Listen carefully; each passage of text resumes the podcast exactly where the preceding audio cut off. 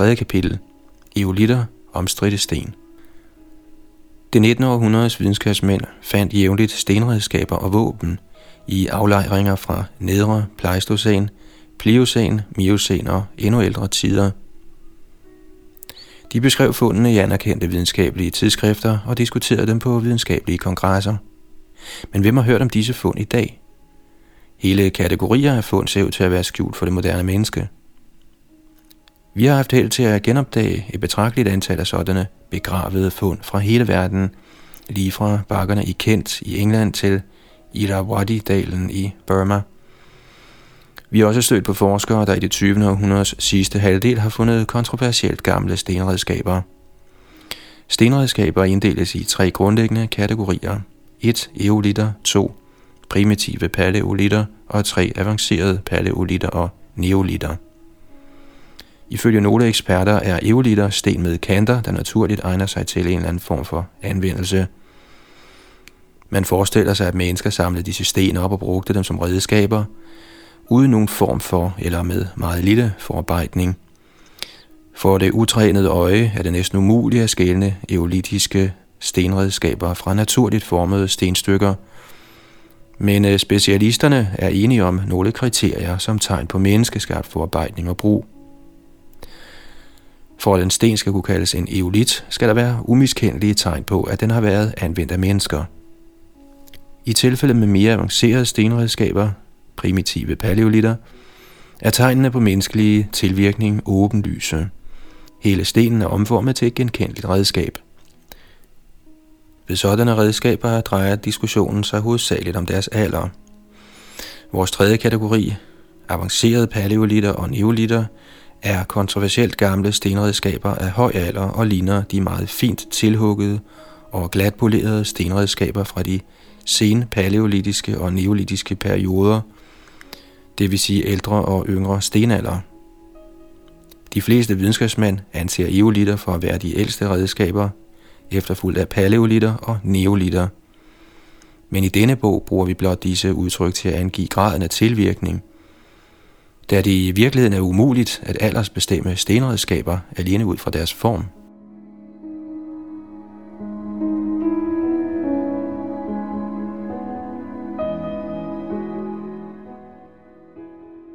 Eolitter fra Kent plateauet i England. Den lille by Egtham i Kent ligger 40 km sydøst for London. I Victoria-tiden havde Benjamin Harrison en købmandsforretning her – når han ikke var købmand, brugte han sin tid i egnens bakker og dale, hvor han fandt og indsamlede flinteredskaber, som skønt de nu for længst er gået i glemmebogen, i årtier var midtpunkt for langtrukne stridigheder i det videnskabelige samfund. Det meste af Harrisons arkeologiske arbejde skete i nært samråd med den kendte engelske geolog Sir John Prestwich, der også boede på egnen – Harrison korresponderede også jævnligt med andre paleantropologiske videnskabsmænd og kategoriserede og kortlagte sine fund omhyggeligt efter alle standardprocedurer. Harrisons første fund var blank slæbende stenredskaber af den neolitiske type. Ifølge moderne opfattelse eksisterede de neolitiske kulturer for kun 10.000 år siden og forbindes med landbrug og pottemageri. Harrison fandt neolitter på markerne oven på jorden rundt omkring Igtham. Senere fandt han paleolitter i sandaflejringer fra gamle floder. Disse paleolitiske redskaber er fortsat nemme at genkende som menneskers værk, skønt de er mere primitive end neolitiske redskaber.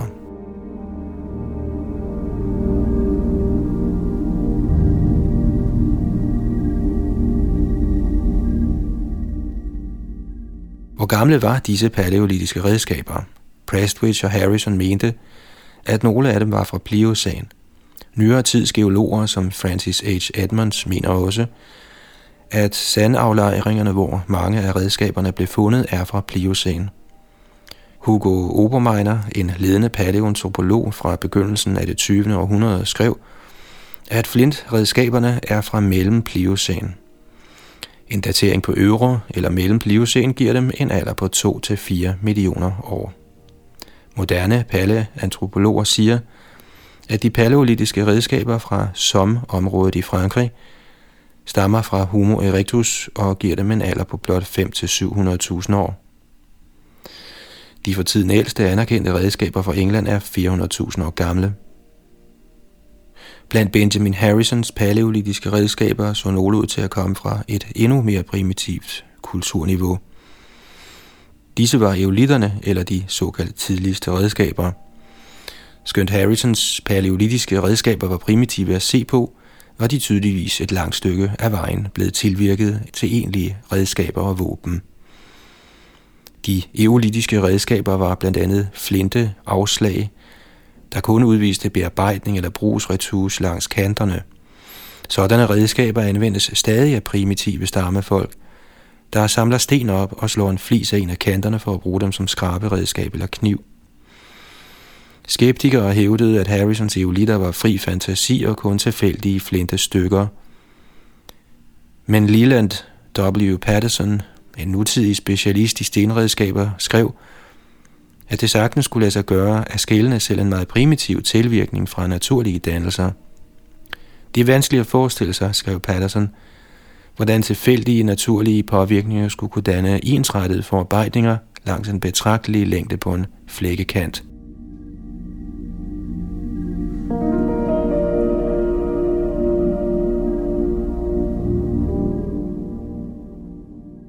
Redskaber med en jævn tilhugning på kun en enkelt side eller kant på en stens overflade udgjorde en stor del af Harrisons eolitter. Ifølge Patterson kan disse accepteres som forarbejdede genstande. Den 18. september 1889 skrev geologen A.M. Bell til Harrison, citat, der ser ud til at være noget mere ved den ensartede og med en primitive tilhugning, end blot tilfældig nedslidning ville have frembragt. Den konklusion står jeg fast ved. Citat slut. Den 2. november 1891 aflagde den berømte Alfred Russel Wallace, der formulerede evolutionsteorien sammen med Charles Darwin, et uanmeldt besøg i Benjamin Harrisons købmandsforretning i Igtham. Harrison viste Wallace sin samling af stenredskaber og tog ham med til nogle af lokaliteterne. Wallace konkluderede, at stenredskaberne var ægte og bad Harrison udfærdige en rapport over dem. Så John Prestwich, der var en af Englands største eksperter i stenredskaber, skrev i 1895 som svar på beskyldningen om, at eolitterne var naturligt dannede og ikke forarbejdede kulturgenstande. Citat. Når de er blevet bedt om at fremvise sådanne naturligt forekommende eksemplarer, har de ikke kunne gøre det, skønt næsten tre år er gået, siden opfordringen til at fremskaffe et enkelt sådan eksemplar blev givet. Hvad angår ideen om, at strømmende vand kan have gjort dette, kan det oplyses, at vand slider flinten på alle kanter og reducerer den til en mere eller mindre afrundet lille sten. Citat slut. I en anden artikel fra 1892 kom Prestwich med denne vigtige udtalelse. Citat. Selv nutidige vildmænds værk, som for eksempel de australske indfødtes stenværktøj, udviser ikke, når de er uden deres indfatning, nogen større eller mere tydelig tilvirkning end disse tidlige paleolitiske redskaber. Citat slut. Derfor behøver eolitterne fra kendt plateauet ikke at komme fra en primitiv race af abemennesker. Siden eolitterne er praktisk talt identiske med stenredskaber, der laves af Homo sapiens sapiens, er det muligt, at eolitterne og paleolitterne kan være lavet af fuldt moderne mennesker i mellem- eller øvre pliocæn. Som det fortælles i 6. kapitel, fandt videnskabsmænd fra det 19. århundrede flere gange fossilrester af anatomisk moderne mennesker i lag fra pliocæn.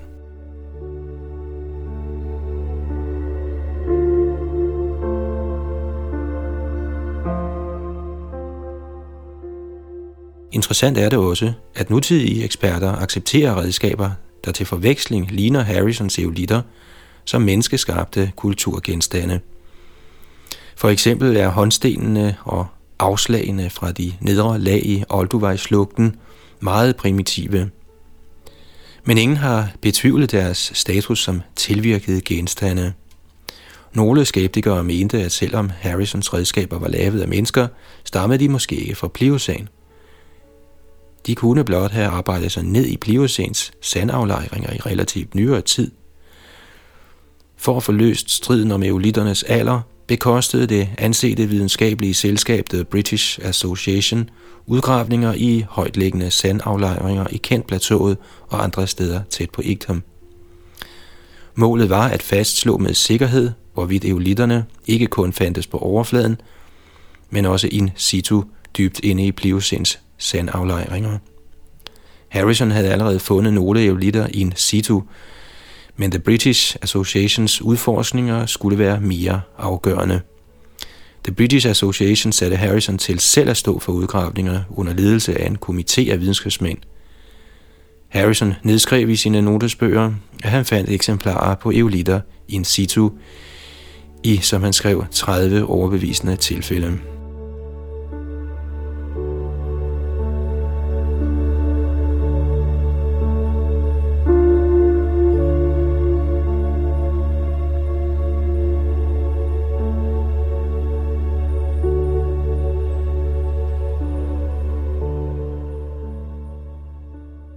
1895 blev Harrison indbudt til at udstille sine eolitter på et møde i The Royal Society. Nogle forblev skeptiske, blandt dem geologen E.T. Newton. Men den 24. december 1895 skrev han til Harrison om redskaberne, citat, I det mindste nogle af dem har tegn på menneskelig tilvirkning. De er lavet med forsæt, og derfor er det eneste intellektuelle væsen, vi kender til, nemlig mennesket, citat slut.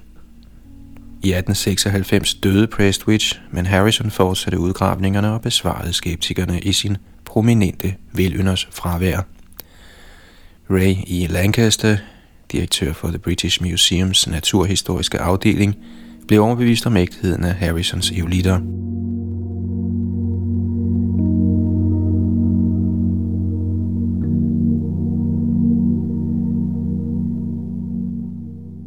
Hvorfor er det nødvendigt med en så detaljeret diskussion af Harrisons eolitter?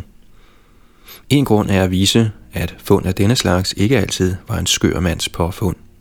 Temmelig kontroversielle fund var ofte midtpunkt for seriøse, langvarige kontroverser i de videnskabelige kredse med fortalere, der havde lige så gode videnskabelige kvalifikationer og stillinger som skeptikerne – med disse detaljerede skildringer af sammenstødet mellem modstridende opfattelser, håber vi at give læserne en chance for selv at kunne besvare det afgørende spørgsmål, nemlig om fundene faktisk blev forkastet på et rent objektivt grundlag, eller blot udelukket fra videre overvejelser og glemt, fordi de ikke lå inden for rammerne af nogle snævert definerede teorier.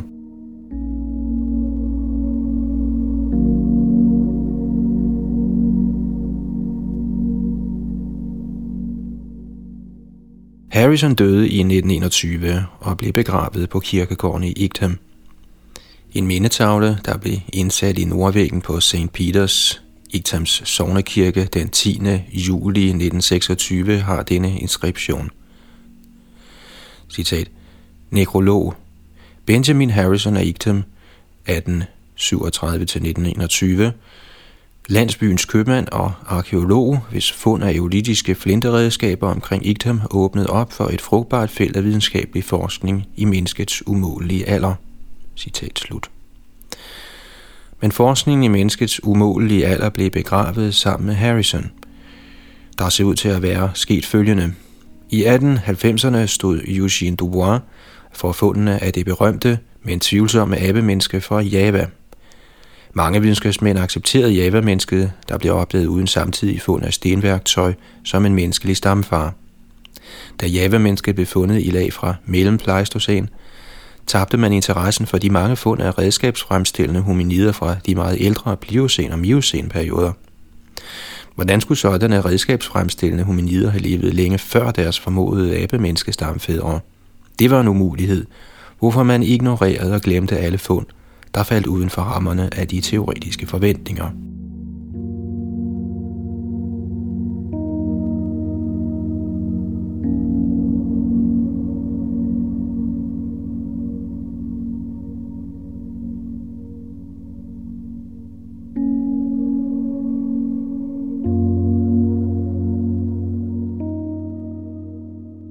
J.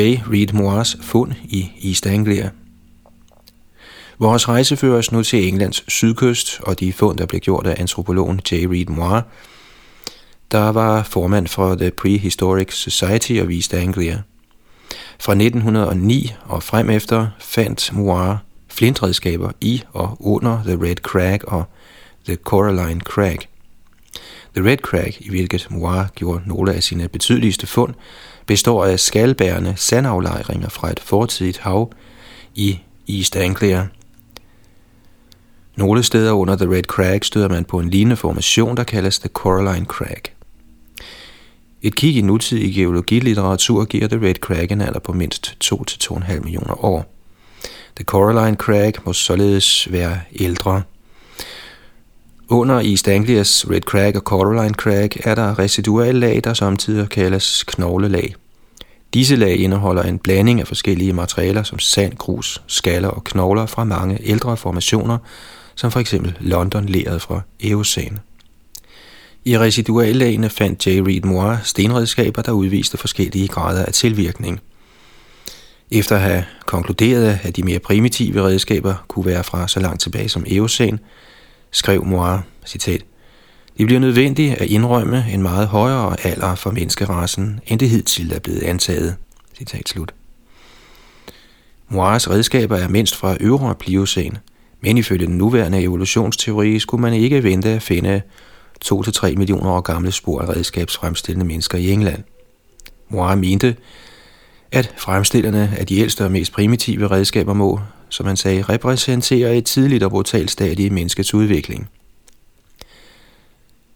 Men selv i dag er der stammefolk, der fremstiller meget primitive stenredskaber.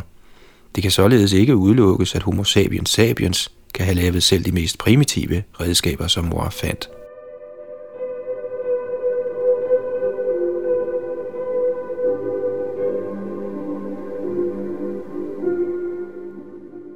Redskaberne blev genstand for voldsom strid. Mange mente, at de var resultat af naturlige processer og ikke menneskers værk. Ikke desto mindre havde mor mange indflydelsesrige tilhængere. En af dem var Henry Bruill, der personligt undersøgte lokaliteterne. I Moirs samling fandt han, hvad der lignede en slyngsten, der kom fra under The Red Crag. En anden støtte var geologen Archibald Geikie, der var præsident for The Royal Society – og en tredje Sir Ray Lancaster, en af direktørerne for The British Museum. Lancaster identificerede blandt Moirs eksemplarer et typisk redskab, han kaldte Rostro Carinet. Dette ord refererer til to fremtrædende kendetegn ved redskaberne. Rostro til den næb-lignende form på redskabernes arbejdsdel, og Carinet til det skarpe, køl-lignende fremspring, der strækker sig langs en del af den anden side – Lancaster kom med en detaljeret analyse af, hvad han kaldte prøveeksemplaret fra Norwich, et specielt godt eksempel på et Rostro Carinet redskab, der var fundet under The Red Crag i Whitlingham nær Norwich. Hvis prøveeksemplaret fra Norwich faktisk kommer derfra, er det over 2,5 millioner år gammelt. I Norwich-eksemplaret havde man et godt eksempel på et tilvirket redskab, der blev fundet i en klar stratigrafisk placering – Lancaster skrev i 1914, og jeg citerer, Ingen, der har forstand på flintearbejde, såvel som på ikke-menneskelige brud på flint, kan hævde, at der er den mindste mulighed for, at tilhugningen af denne prøveflint fra Norwich skyldes andet end menneskelig tilvirkning. Citat slut. Lancaster mente, at redskaber af denne type kunne være fra Miocene.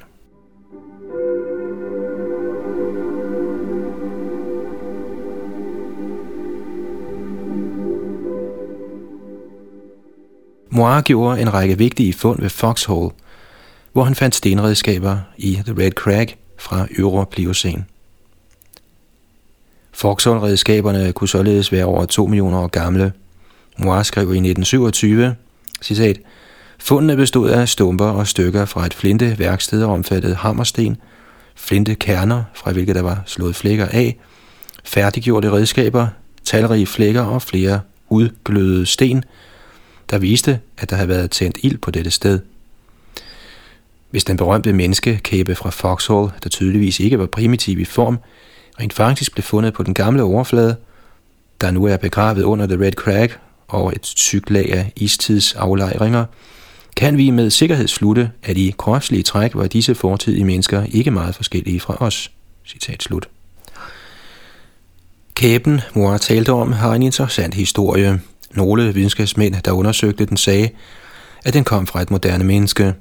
Det er uheldigt, at foxhole-kæben er forsvundet, for den kunne måske give en ekstra bekræftelse af, at flinteredskaberne for Foxhole var fremstillet af mennesker. Men også uden kæben er redskaberne i sig selv et stærkt indicium på, at der levede mennesker i England i Europliocen for 2-2,5 millioner år siden.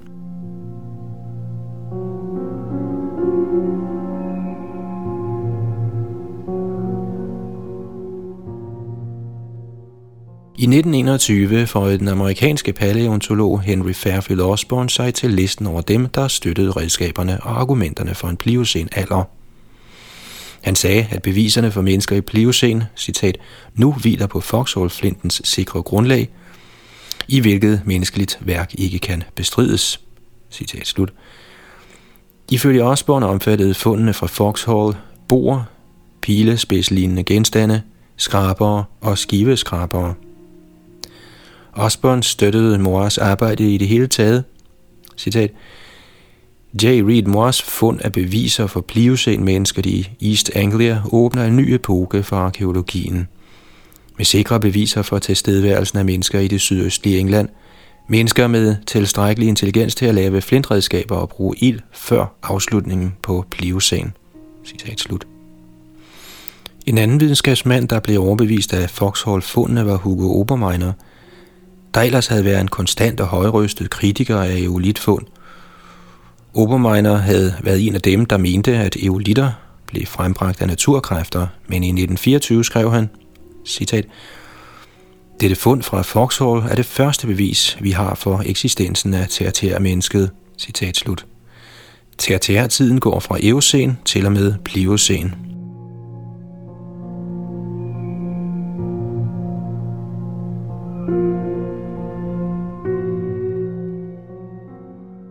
I de yngre kromerlag i Norfolk fandt mor redskaber, der dermed var 4-800.000 år gamle. Ifølge nogle dateringer af den ældre del af kromerlagene kan de have en alder på op til 1,75 millioner år. Men mange værer sig stadigvæk ved at acceptere Moiras fund som ægte redskaber. For eksempel sagde S. Hasseldine Warren, at de var dannet under tektoniske bevægelser, der knuste flinten mod de hårde kalkaflejringer. Som bevis henviste han til eksempler på udgravede sten fra Bullheadbed, der stammer fra Eocene. Om sådanne genstande sagde Warren i 1920 i en rapport til The Geological Society i London, citat, Dette, et godt eksempel på en trimmet flækkespids, er det mest bemærkelsesværdige eksemplar fra denne gruppe. Hvis det betragtes alene, ud fra sine egne tilsyneladende fortrin og uden hensyn til, hvad det blev fundet sammen med, og omstændighederne omkring dets fund, kunne dets mosterienske slægtskab næppe betvivles. Citat slut. Mosterien er en accepteret redskabstype fra øvre Pleistocæn. Warren anså det for umuligt at finde redskaber i Eocæn lag. Men har man ikke sådanne fordomme, kunne man få den tanke, at Warren rent faktisk havde fundet et ægte redskab i Essex's Eocæn lag.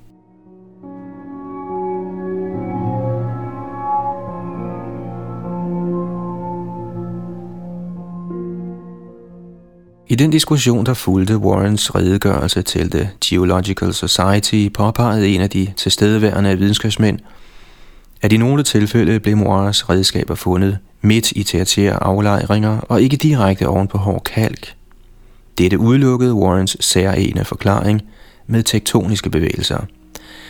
Herefter blev striden om Moiras fund overdraget til en international videnskabskommission, der blev nedsat på anmodning af det Internationale Institut for Antropologi den bestod af otte fremtrædende europæiske og amerikanske antropologer, geologer og arkeologer. Denne gruppe endte med at støtte Moras konklusioner. Kommissionens medlemmer sluttede, at flinten fra bunden af The Red Crag nær Ipswich lå i et uforstyrret lag, der mindst var pliocen i alder. Tilhugningen på flinten skyldtes utvivlsomt mennesker. Kommissionens medlemmer foretog selv fire udgravninger i residuallagene under The Red Crag og fandt egenhændigt fem typiske eksemplarer – Disse redskaber må have været mindst 2,5 millioner år gamle, og fordi residuallagene indeholder materiale fra gamle eocenlag, kan de have været op til 55 millioner år gamle.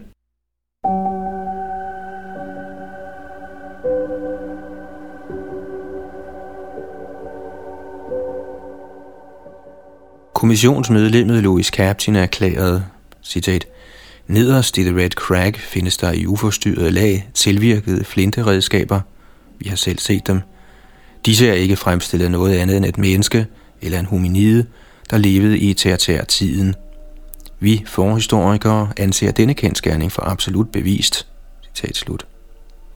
Selv efter kommissionsrapporten fortsatte Moirs kritikere overraskende nok med deres forsøg på at vise, at flintredskaberne var naturlige dannelser under tryk. Warren hævdede, at flinten kunne være blevet knust af isbjerge mod havbunden langs kysten. Men så vidt vi ved, har ingen nogensinde vist, at isbjerge kan frembringe de talrige slagbuler og det tydelige arbejde, man fandt på Moirs redskaber – Ydermere lå mange af fundene fra The Red Crack inde i formationer, og ikke på de hårde klippeoverflader, som et isbjerg kunne have knust dem imod.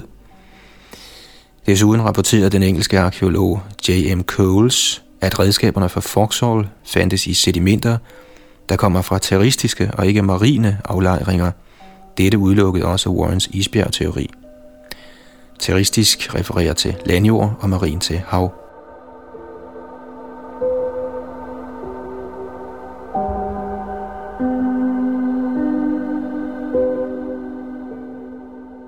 Efter Warren kom med sin isbjergforklaring, døde diskussionen hen.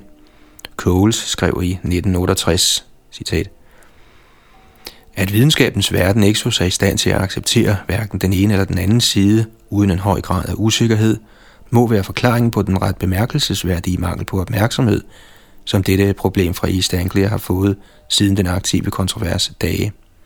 Citat slut. Det er måske noget af sandheden, men der er dog en anden mulig forklaring. Visse kredse i det videnskabelige samfund konkluderede, at tavshed og ikke aktiv, højlydt modstand var en bedre måde at begrave mors fund på. Fra med 1950'erne stod den videnskabelige opfattelse solidt bag ideen om, at mennesket havde udviklet sig i Afrika i nedre Pleistocene. Derfor var det formålsløst og nærmest pinagtigt og skadeligt at fortsætte med at tilbagevise nogle teoretisk umulige engelske fund fra Pliocæn. Dette ville holde alt for meget liv i begge sider af striden. Tavshedstaktikken, hvorvidt den var overlagt eller ej, viste sig at være en effektiv måde at få Moras fund ud af verden på. Ingen behøvede at tilbagevise noget, som ingen kendte til, og der var heller ikke meget at vinde ved at forsvare eller støtte det.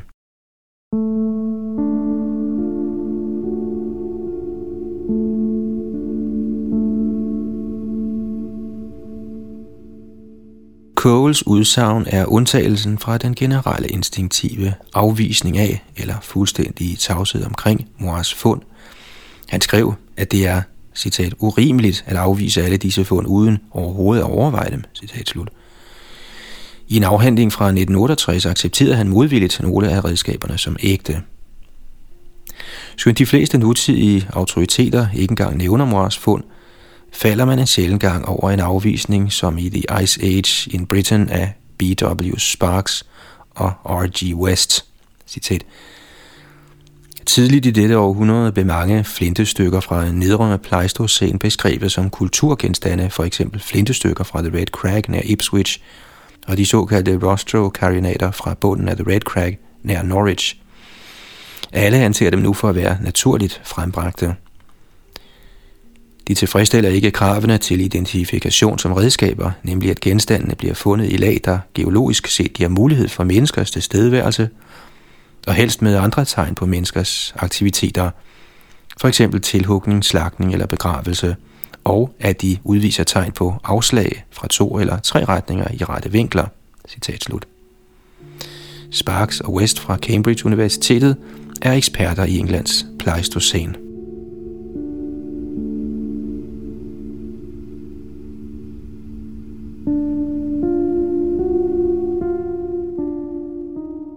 Som svar til Sparks og West gør vi opmærksom på, at Moir og andre specialister som Osborne og Captain var fuldt ud kvalificerede til at klassificere de fundne genstande som deciderede redskabstyper, håndøkser, bor, skraber osv., der er fuldt på højde med accepterede paleolitiske fund, som for eksempel Mosterien. Lokaliteten ved Foxhole sammen med Foxhole-kæben blev er mange eksperter anset for at være et sted, der geologisk set gav mulighed for menneskers tilstedeværelse. Moir havde sluttet, at der havde været et flinteværksted og fandt tegn på anvendelse af ild. Hvad angår afslag fra flere retninger i rette vinkler, er dette ikke noget absolut kriterium for menneskeligt værk på stengenstande. Men selvom det skulle være det, konstaterede M.C. Burkitt fra Cambridge faktisk afslag fra flere forskellige retninger i rette vinkler på nogle af Moirs redskaber. Burkitt, der deltog i den internationale kommission, der undersøgte Moirs redskaber i 1920'erne, gav dem en positiv behandling i sin bog The Old Stone Age fra 1956. Burkitt var især imponeret af lokaliteten ved Thornington Hall, 3 km syd for Ipswich, hvor der var fundet flinteredskaber i The Red Crag. Citat. Ved Thornington Hall blev der fundet muslingeskaller med hængslerne intakte lige ovenover kulturgenstandene.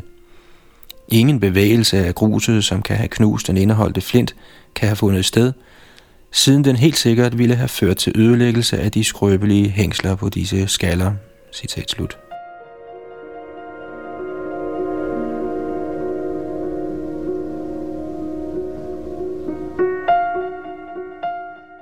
Burkitt kom derefter med en slående konklusion om redskaberne, der blev fundet i og under The Red Crag. Og jeg citerer, Selve eolitterne er for de flestes vedkommende meget ældre end de øvre pliocene aflejringer, som de blev fundet i. Nogle af dem kan måske faktisk dateres tilbage til tider før pliocen. Citat slut.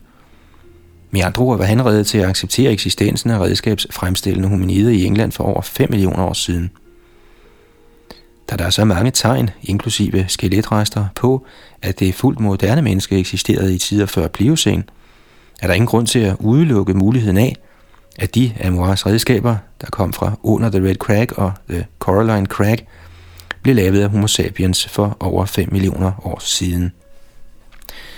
En anden forsvarer for Moiras fund var Louis Leakey, der i 1960 skrev, citat, det er mere end sandsynligt, at der levede primitive mennesker i Europa i nedre Pleistocæn, ligesom de levede i Afrika, og en del af fundene fra aflejringerne under The Red Crag og The Coraline Crag ser afgjort ud til at være tildannet af mennesker, og kan ikke regnes for blot at være resultat af naturkræfter. Redskaberne fra under The Red Crag kan imidlertid ikke være fra nedre Pleistocæn, men må mindst være øvre Pleistocæn i alder. Citat slut.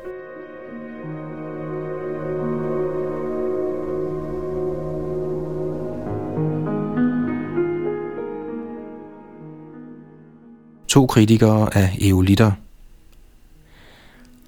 Blandt paleantropologer støder man samtidig på en endegyldig kritik, der bruges igen og igen til at afvise visse fund. I tilfældet med de europæiske eolitter er der to gode eksempler herpå. Den ene er en afhandling af H. Bruel, der skrev, at pseudo-eolitter blev dannet af geologiske tryk i de franske Eocene-formationer ved Clermont i Oise. Den anden er en afhandling af A.S. Barnes, der påstod at have bevist den naturlige oprindelse til de såkaldte eolitiske redskaber, med en statistisk analyse af slagvinkler på redskabernes overflade. I 1910 ledede Henry Brule nogle undersøgelser, som han håbede ville sætte en stopper for eolit-kontroversen. I sin ofte citerede artikel skrev han, at han fandt flinte stykker, der mindede om stenredskaber i formationen Tanetier ved Bellassis nær Clermont i Frankrig. Denne formation er nedre Eocene, hvilket giver flinten en alder på 50-55 millioner år. Brude kunne ikke forestille sig, at der havde levet mennesker i Eocene. Hvordan var flintgenstandene da blevet til? Under sine udgravninger fandt Bruel nogle stykker flint med afslåede flager i nærheden. Nogle af disse afslag havde slagbuler. Andre stykker havde noget, der mindede om forarbejdning – Årsagen til dette var, ifølge Bruel, udelukkende tektoniske bevægelser. Kan tektoniske bevægelser virkelig skabe de ting, der blev bemærket af Bruel? Leland W. Patterson, en moderne specialist i stenredskaber, siger, at afslag på grund af tryk meget sjældent frembringer tydelige slagbuler. Det kræver normalt et overlagt styret slag. Bruel brugte sandsynligvis sine bedste eksemplarer som illustration på flager, der findes i nærheden af den oprindelige flinteblok men afslagene og forarbejdningen på dem er langt mere primitiv end på de kerner og afslag, som Bruel valgte som eksempler på pseudoeolitter. Bruel sagde, at alle var resultat af naturlige afslag under geologisk tryk. Men han kan kun have haft ret, hvis han havde fundet de meget flotte og eolitflager sammen med deres oprindelige flinteblokke, hvilket han ikke gjorde.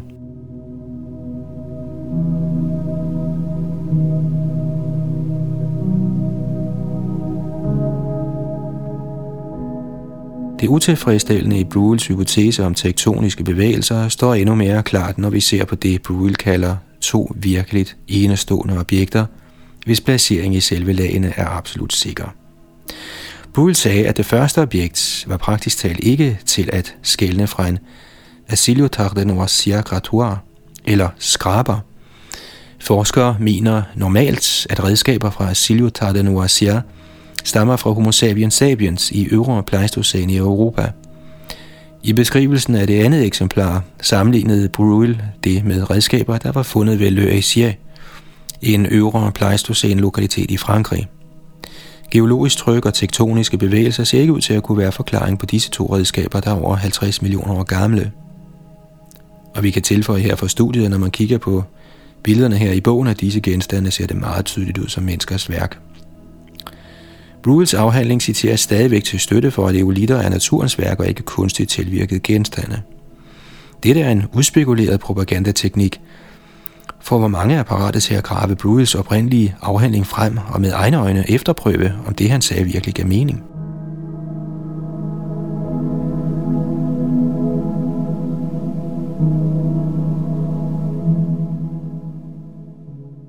Bruels afhandling fra 1910 udkom før de fleste af J. Reed Moores fund i East Anglia. Bruel rejste selv til England for at gøre sine egne førstehånds vurderinger, da Moores fund begyndte at vække opmærksomhed. Til alles overraskelse støttede Bruel Moore. Han accepterede redskaberne fra Pliocene i The Red Crag ved Foxhall som gode nok og sagde også, at nogle af redskaberne fra lagene under The Red Crag, citat, absolut ikke var til at skille fra traditionelle flinteredskaber. Citat slut. Formationerne under The Red Crag har været alt fra 2 til 55 millioner år gamle. Ruel tog til synligheden nogle forbehold på et senere tidspunkt.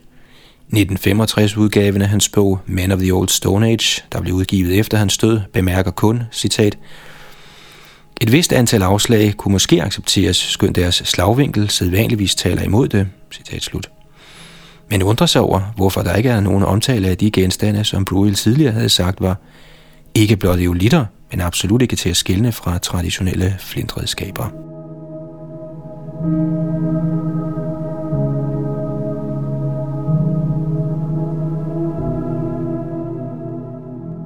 Et andet vigtigt element i eolitkontroversen var Alfred S. Barnes slagvinkelprøve.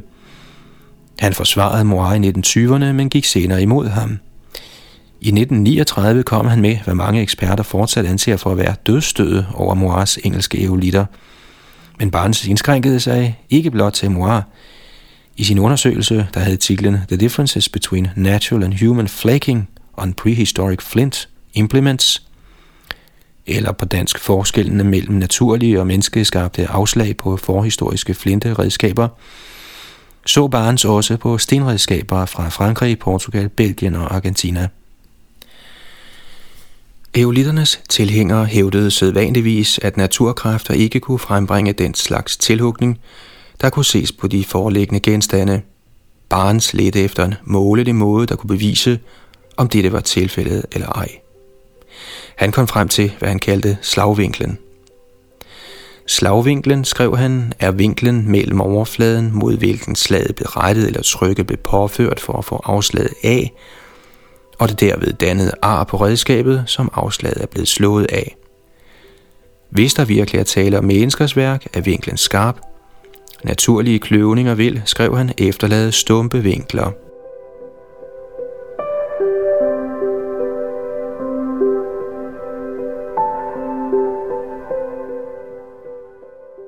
Vi har måttet konkludere, at barens angivelse af den vinkel, der skal måles, er temmelig uklar – vi har talt med specialister i stenredskaber ved San Bernardino County Museum i Kalifornien, blandt andet Ruth D. Simpson, og de kunne heller ikke sige præcist, hvilken vinkel Barnes målte.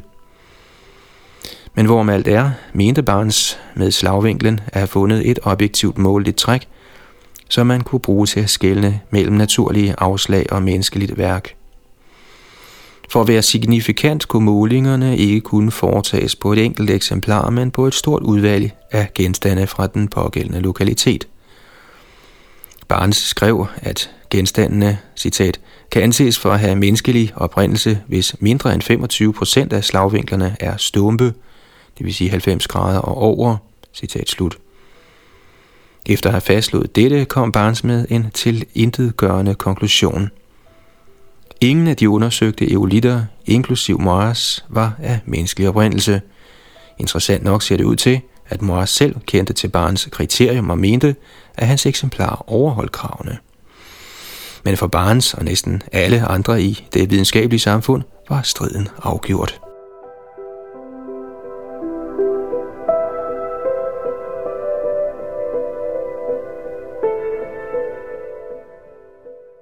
Faktisk var striden om eolitter og andre tertiære stenredskaber for længst ophørt med at interessere de etablerede videnskabelige kredse. Med fundene af javemennesket og pekingmennesket var det videnskabelige samfund mere og mere overbevist om, at den vigtige overgang fra abelignende forgængere til redskabsfremstillende mennesker var sket imellem nedre og mellem pleistocæn. Dette gjorde de formodede stenredskaber for pliocæn og endnu tidligere uinteressante – Barnes gjorde dog et værdifuldt og mentabelt stykke arbejde med at få fejret disse irrelevante fund til side. Derefter kunne andre videnskabsmænd bekvemt citere Barnes redegørelse, når som helst emnet om meget gamle stenredskaber dukkede op, som det stadig gør fra tid til anden. Selv i dag henviser videnskabsmænd, der studerer stenredskaber, til Barnes metode. Ved nærmere eftersyn ser det dog ud til, at det mest er Barnes såkaldte endegyldige kritik, der trænger til at blive kritiseret. Den kanadiske antropolog Alan Lyle Bryan skrev i 1986, og jeg citerer, Problemet med at skælne naturligt dannede genstande fra kunstigt fremstillede er langt fra løst og behøver mere forskning. Måden problemet blev løst i England ved at anvende Barnes statistiske metode med måling af slagvinkler, kan ikke altid anvendes til at skælne naturligt dannede fra kunstigt tilvirkede genstande. Citat slut.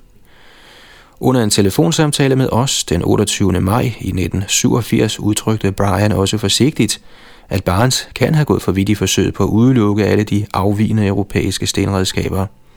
Når det drejer sig om nyere fund, sagde Brian, er der australske redskaber fra øvre Pleistocene, der ikke overholder Barnes kriterier.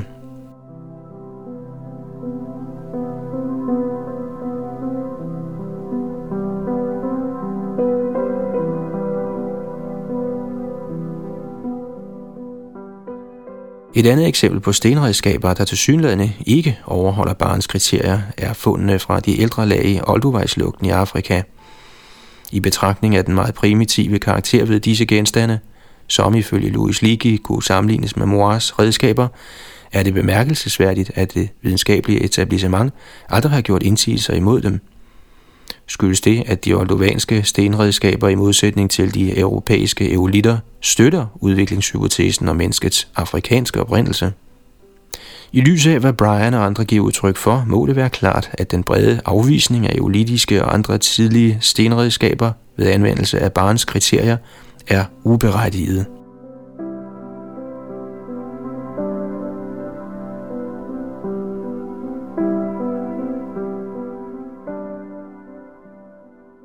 Nyere eksempler på eolitiske redskaber fra Amerika.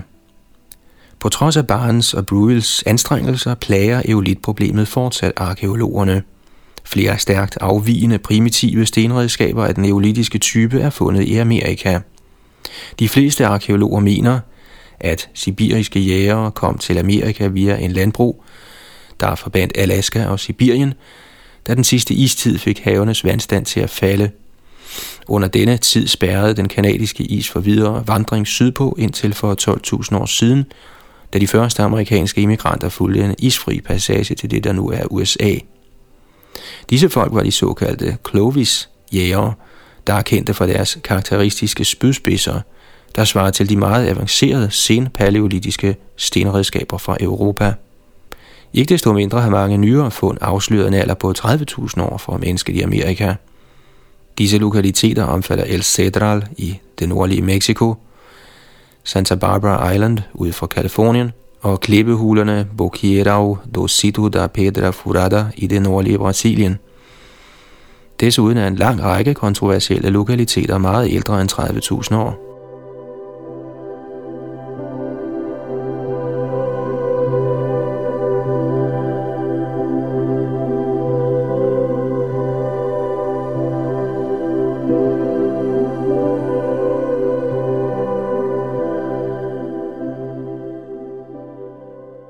George Carter og Texas Street, San Diego, USA. Et godt eksempel på kontroversielt gamle amerikanske stenredskaber, der minder om de europæiske eolitter, er George Carters fund i 1950'erne ved udgravningen i Texas Street i San Diego. På denne lokalitet hævdede Carter at have fundet ildsteder og primitive stenredskaber i jordlag fra den sidste mellemistid for 100-110.000 år siden – dette blev nedsablet af kritikerne, der sagde, at Carters påståede redskaber var naturligt dannede, og kaldte dem Cartifacts. Carter blev senere offentligt skældt heder og ære fra på Universitetet i Harvard under et seminar om grotesk arkeologi.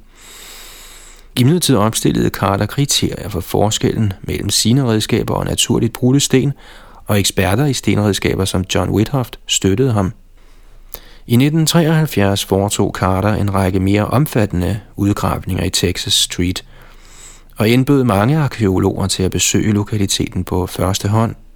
Næsten ingen tog imod indbydelsen.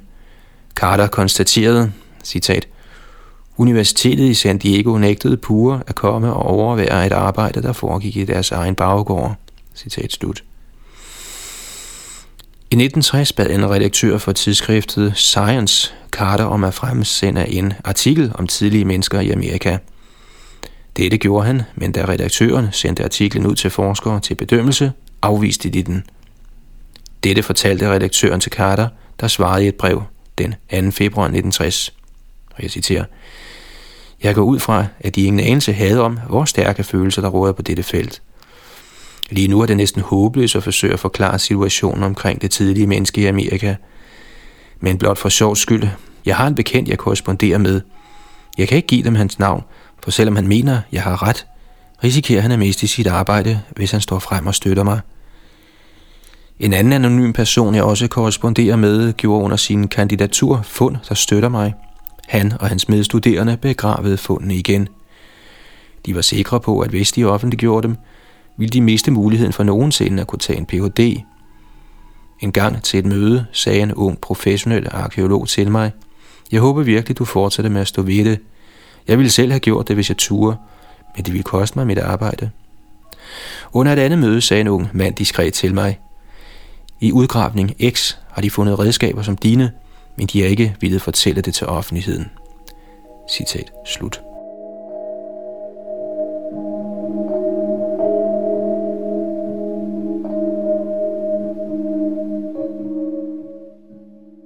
Den negative virkning, propagandaen havde på vurderingen af Carters fund, blev beskrevet af arkeologen Brian Reeves i 1986. Og jeg citerer, Blev der virkelig fundet kulturgenstande i Texas Street, og er lokaliteten virkelig fra sidste mellemistid? På grund af de mange kritiske såkaldte modbeviser, som de etablerede arkeologer kom med, accepterede jeg, ligesom de fleste andre arkeologer, skeptikernes opfattelse ukritisk – og afviste lokaliteten og de fundne genstande som naturligt dannede. Citat slut. Men da Reeves selv undersøgte fundene, skiftede han mening. Han sluttede, at der helt klart var tale om menneskefremstillede redskaber, og at lokaliteten på Texas Street var så gammel, som Carter hævdede.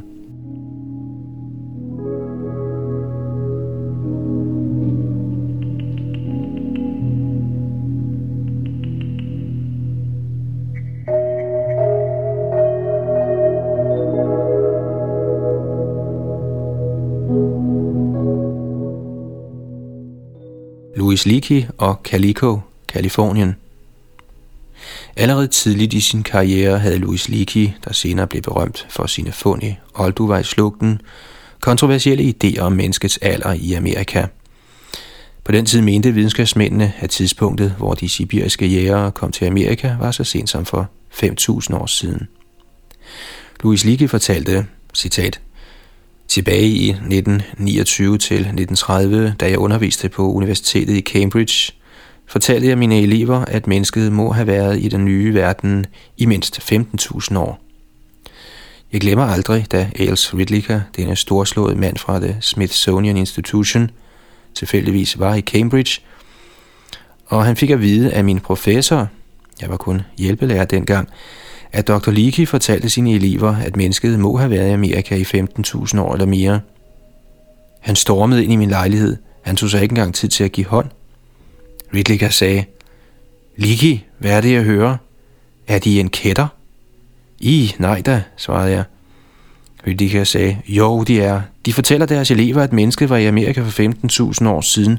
Hvilke beviser har de for det? Jeg svarede, ingen direkte beviser, kun indicier.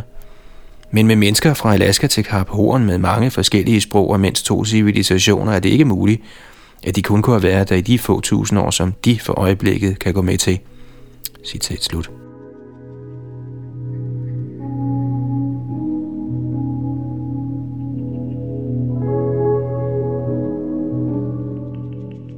Liki fortsatte med at have uortodoxe opfattelser på dette område – og i 1964 forsøgte han at indsamle konkrete beviser i Calico i Mojave-ørkenen i Kalifornien.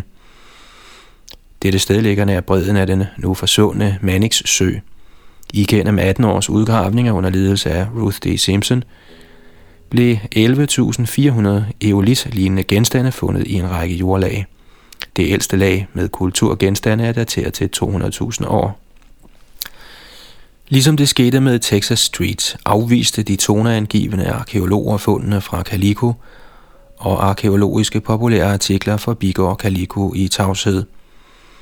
Sonja Cole, der skrev en biografi over Louis Leakey, bemærkede, citat, For de mange kolleger, der beundrede og holdt af Louis og hans familie, var Calicoerne en bedrøvelig skamplet. Citat slut. thank you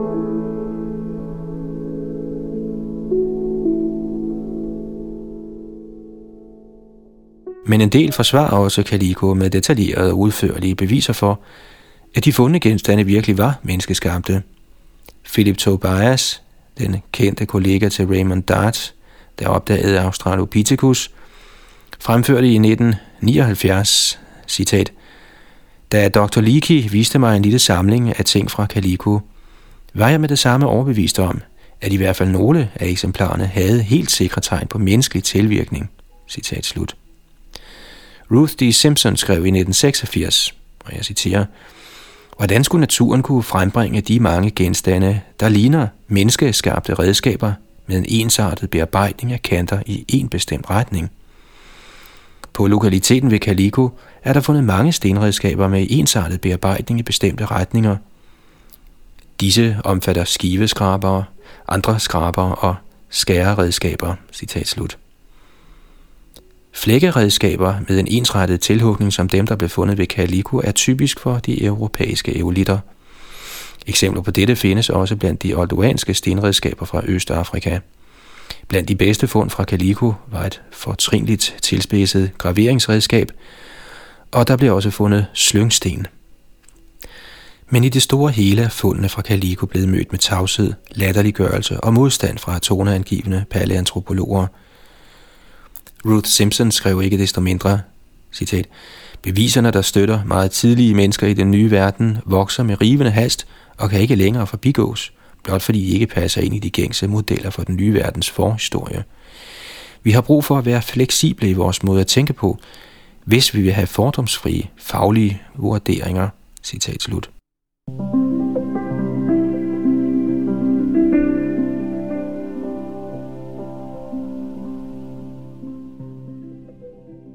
Toca da Esperanza, Brasilien. Et nyere fund i Brasilien er kommet Calico-redskaberne til undsætning. I 1982 fandt Maria Beltrau en række huler med vægmalerier i staten Bahia. I 1985 undersøgte han Toca da Esperanza, håbets hule, og udgravninger i 1986 og 87 afdækkede primitive stenredskaber sammen med dyr fra Pleistocæn. Da knoglerne blev radiometrisk dateret, fik man allerede på den anden side af 200.000 år. Den højeste alder var 295.000 år. Fundet blev indberettet til den videnskabelige verden af Henri de Lumli, en kendt fransk arkeolog. Redskaberne var fremstillet af kvartskrystal og lignede dem, man faldt i Olduvai-slugten. Det nærmeste sted, hvor man finder tilsvarende kvartskrystaller, er omkring 10 km fra hulen. De Lumley og hans kolleger skrev i deres afhandling, Fundene synes at indikere, at det tidlige menneske kom til det amerikanske kontinent meget tidligere end hidtil antaget. De fortsatte, i lys af fundene i Toca da Esperanza er det meget lettere at forstå de eolitiske sten fra Calico i Mojave-ørkenen nær Yermo, San Bernardino County, Kalifornien, med daterede aldre på 150.000 til 200.000 år.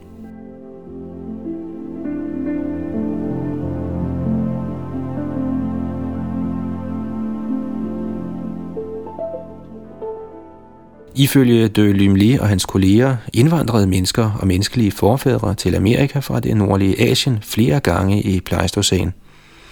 De tidlige indvandrere, der fremstillede redskaberne i den brasilianske hule, var, hævdede de, Homo erectus.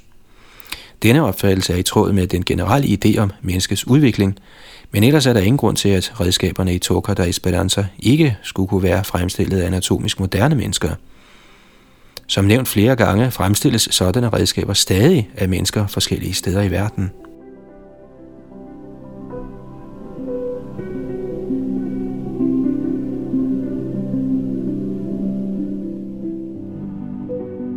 Monteverde, Chile. Et andet arkeologisk fund, der har betydning for vurderingen af primitive stenredskaber, kommer fra Monteverde i det sydlige centrale Chile. Ifølge en artikel i Mammoth Trumpet 1984 blev denne lokalitet første gang undersøgt af arkeologen Tom Dilhay i 1976.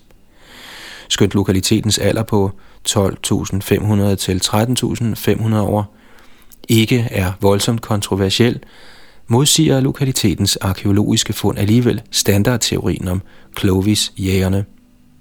Monteverde-folkets kultur er helt forskellig fra Clovis-jægernes. Skønt Monteverde-folket også havde avancerede redskaber, fremstillede de for størstedelens vedkommende kun primitivt tilvirkede stenredskaber. I stor udstrækning skaffede de sig stenredskaber ved at bruge naturligt afslåede sten, hvor på de eneste tegn af længere tids brug. På andre sten er en enkelt kant forarbejdet. Dette minder meget om de europæiske eolitter.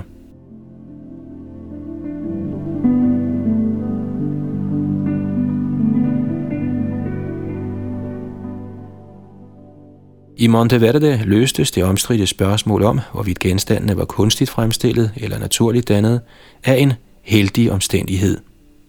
Lokaliteten ligger i et moseområde, hvilket har bevaret en del let forgængeligt plante- og dyremateriale.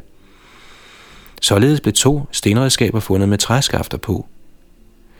Der blev fundet 12 bygningsfundamenter, der var lavet af tilhuggede træplanker, og små træstammer, der var stukket ned i jorden – der var store fælles bålpladser, såvel som trækulsovne beklædt med ler. Et sted i noget ler fandt man et fodaftryk af et 8-10 år gammelt barn. Der blev også fundet tre primitive træmordere, der blev holdt på plads af træpæle. Der blev fundet kværnesten sammen med rester af vilde kartofler, lægeplanter og strandplanter med et højt saltindhold. Alt i alt kaster Monteverde et interessant lys over, hvem der kan have lavet og brugt primitive stenredskaber i Pliocæn og Miocæn i Europa, eller ved overgangen fra Pliocæn til Pleistocæn i Afrika.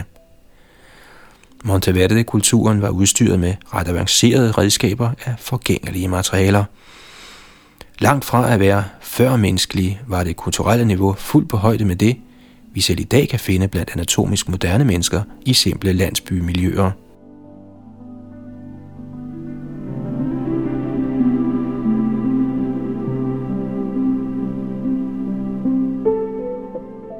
I Monteverde er vi heldige at have et særdeles velbevaret fund, hvor vi samtidig både har kulturgenstande, der repræsenterer en avanceret kultur, og den mest primitive form for stenredskaber. På flere millioner år gamle lokaliteter finder vi kun stenredskaberne, skønt forgængelige kulturgenstande af den slags, der blev fundet i Monteverde, sagtens kan have eksisteret sammen med dem engang.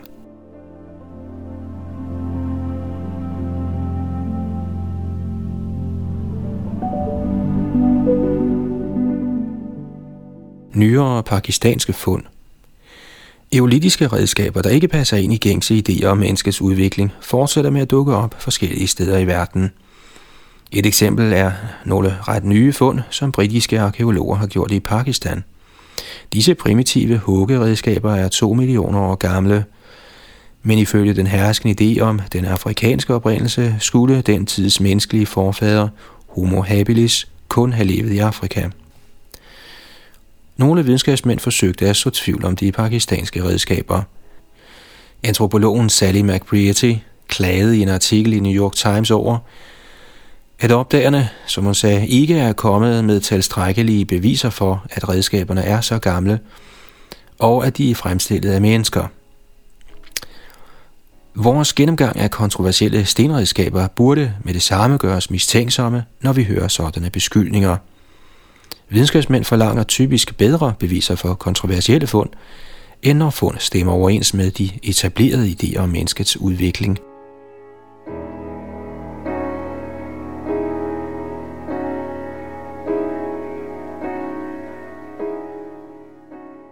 Ifølge en artikel fra 1987 i det engelske tidsskrift New Scientist var McBrearty for skeptisk.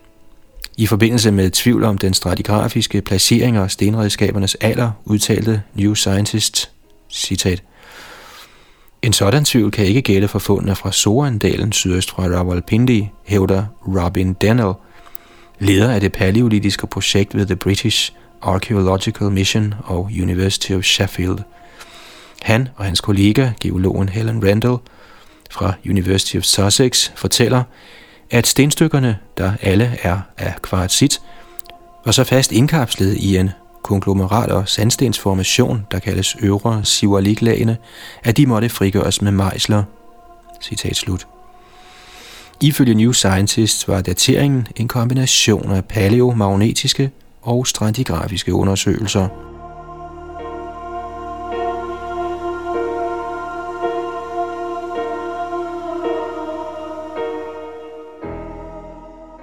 Hvad med McBreartys påstand om, at stengenstandene ikke er lavet af mennesker? Skribenten i New Scientist mente noget andet. Citat. Blandt de stykker, som de gravede frem, mente Dennell, at otte af dem er afgjort kulturgenstande. Efter Dennells mening er den mest sikre genstand et stykke kvartsit, som en hominid til synlande må have arbejdet på fra tre retninger, med en slagsten og derved slået syv afslag af den – dette flersidige afslag og den friske fremtoning af arerne på den tilbageblevne såkaldte kerne er et meget overbevisende eksempel på menneskelig tilvirkning. Citat slut. Som vi kan se, var de forskere, der mente, at Homo erectus var den første af homolinjens repræsentanter, der forlod Afrika for omkring 1 million år siden, til synlædende fast besluttet på at så tvivl om de 2 millioner år gamle stenredskaber fra Pakistan – i stedet for at skulle ændre deres idéer. Vi kan let forestille os, hvordan sådanne videnskabsmænd ville reagere på stenredskaber, der bliver fundet i lag fra Miocene.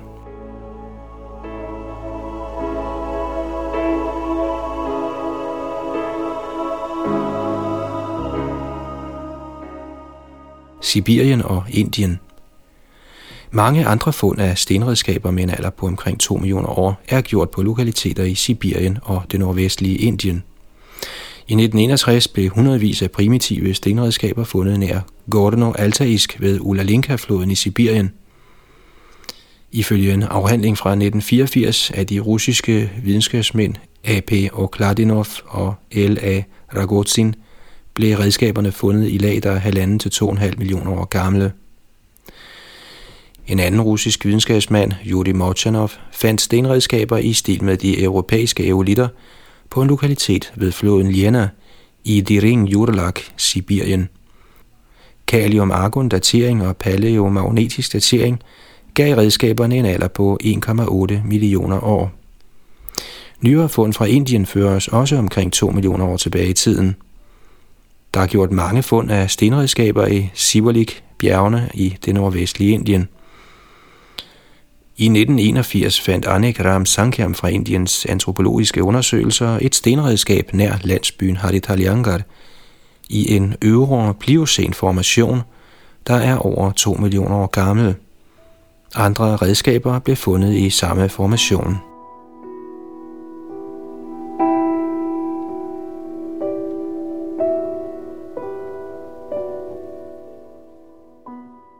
Mjalre på 1,5 til 2,5 millioner år harmonerer ovennævnte sibiriske og indiske fund ikke med den gængse opfattelse af, at Homo erectus som homolinjens første repræsentant udvandrede fra Afrika for omkring 1 million år siden. Her er et eksempel på et endnu ældre fund.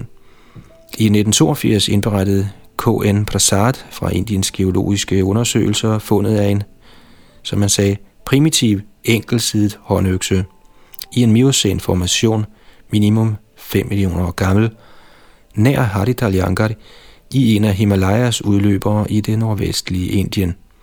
Prasad skrev i sin redegørelse, og jeg citerer, Redskabet blev fundet in situ, altså på dets oprindelige placering, da de geologiske lavfølger blev genopmålt for at fastslå lagenes tykkelse. Man var meget omhyggelig med at fastslå den nøjagtige position af materialet, for at udelukke enhver mulighed for, at det kom fra yngre lag. Citat slut.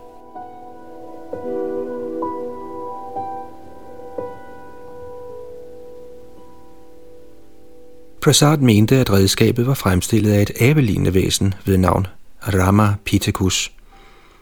Forekomsten af dette stenredskab i så gamle aflejringer viser, skrev Prasad, at tidlige hominider som Rama Pithecus fremstillede redskaber gik oprejst på to ben og sandsynligvis brugte jagtredskaber. Men i dag anser de fleste videnskabsmænd slet ikke Ramapithecus for at være en stamfar til mennesket, men derimod til de nulevende orangutanger. Denne nyttigt omdefinerede Ramapithecus fremstillede helt sikkert ikke stenredskaber. Hvem lavede så Miocene-redskabet, som Prasad fandt? Det kan meget vel have været anatomisk moderne mennesker, der levede i Miocen.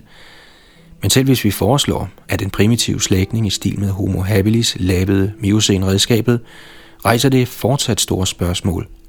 Miocen er tiden fra 5 op til for 25 millioner år siden, men ifølge den gængse opfattelse opstod de første redskabsfremstillere i Afrika først for 2 millioner år siden –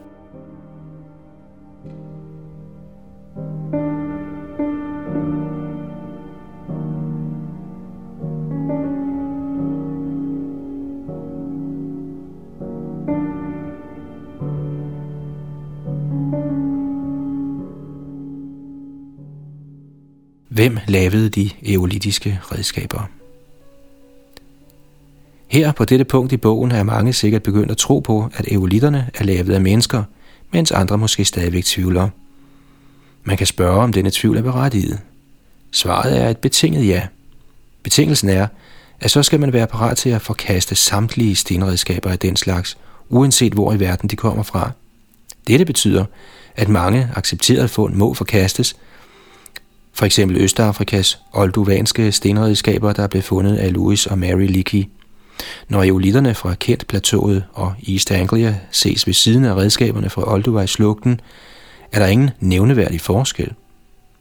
Den logiske konklusion er, at både de europæiske eolitter og de olduvanske redskaber fra Østafrika blev fremstillet af mennesker. Men af hvem? Forskere accepterer praktisk talt uden spørgsmålstegn, at de olduanske redskaber blev fremstillet af Homo habilis, en primitiv hominid. Det burde derfor ikke være fuldstændig utænkeligt at overveje den mulighed, at et væsen som Homo habilis også kan have lavet eolitterne fra East Anglia og kendt plateauet, blandt hvilke nogle tilnærmelsesvis er lige så gamle som redskaberne fra Olduvai. Men der er en anden mulighed. Mary Leakey fremfører i sin bog om de olduanske stenredskaber. Citat. Et interessant nutidigt eksempel på ikke forarbejdet afslag, der bruges som skæreredskaber, er for nyligt blevet registreret i Sydvestafrika. En ekspedition fra The State Museum Windhoek opdagede to grupper af Ovatimba-folket, der gør brug af sten ikke blot som økser til at spalte knogler med og til andet tungt arbejde, men også som simple afslag, der ikke er tilvirket på nogen måde eller sat på noget skaft, til at skære og afpælse med. Citat slut. Intet forhindrer os derfor i at overveje muligheden af, at anatomisk moderne mennesker kan have været ansvarlige for selv de mest primitive stenredskaber, der blev fundet i Olduvejslugten og i Europa.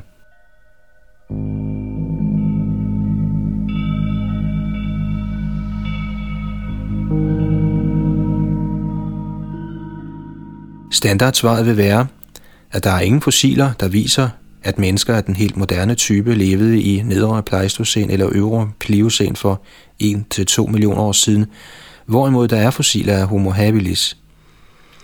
Men fossiler af Homo sapiens er meget sjældne selv på lokaliteter fra øvre Pleistocæn, hvor der er mange stenredskaber og andre tegn på menneskelig beboelse. Desuden har videnskabsmænd, som det beskrives i kapitel 6 og 12, rent faktisk fundet fossile rester af mennesker af den fuldt moderne type i lag, der er mindst lige så gamle som de ældre aflejringer i Olduvejslugten i Tanzania. Blandt dem kan nævnes det fossile menneskeskelet, der blev fundet i 1913 af Hans Ræk i lag 2 i Olduvejslugten, og nogle fossile lårknogler, der blev fundet af Richard Leakey ved Turkana-søen i Kenya i lag, der er lidt ældre end lag 1 i Olduvej. Det er derfor ikke korrekt, at der slet ingen fossilbeviser er for tilstedeværelsen af moderne mennesker i de ældre lag i Olduvejslugten. Udover fossilmaterialet har vi desuden en rapport fra Mary Leakey om en kontroversiel cirkelformation af sten på DK-lokaliteten i den nedre del af lag 1. Hun foreslog. De kan have været placeret der som støtte for grene eller pæle, der er stukket ned i jorden som en form for læskærm eller primitiv hytte – i det store hele ser cirklen ud til, skrev hun, at minde om de midlertidige hytter, der ofte laves af nutidige nomadefolk, der bygger en lav stenmur rundt om deres opholdssted, enten som lag mod vinden, eller som fundament for opretstående grene, der er bukket sammen og dækkes enten med skin eller græs. Som illustration på dette viste Mary Leakey et fotografi af sådan en midlertidig læhytte fra Okombambi-stammen i Sydvestafrika der svarer til det nuværende Namibia.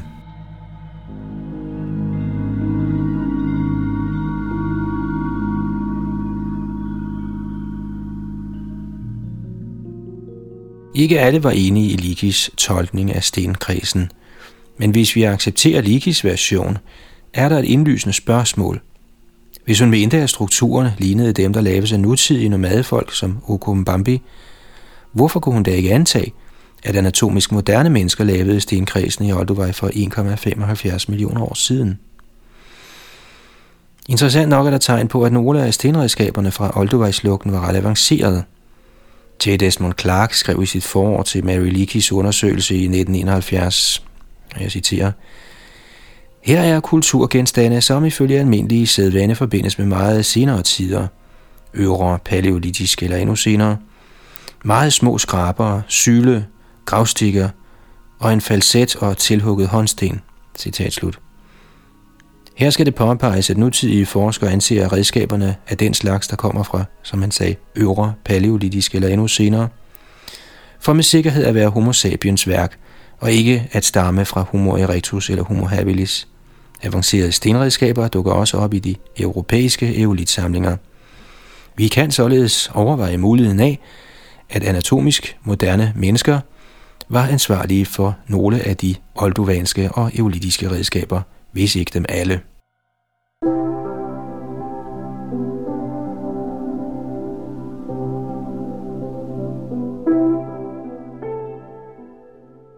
I lag 1 i Olduvejslugten fandt Louis og Mary Leakey også slyngsten og et redskab, der til synlædende kan have været brugt til fremstilling af ledersnore til slyngsten.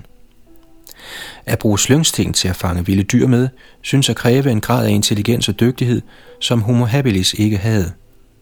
Denne opfattelse bestyrkes af det nylige fund af et relativt fuldstændigt skelet af Homo habilis, der viser, at denne hominid var langt mere abelignende, end man hidtil har forestillet sig.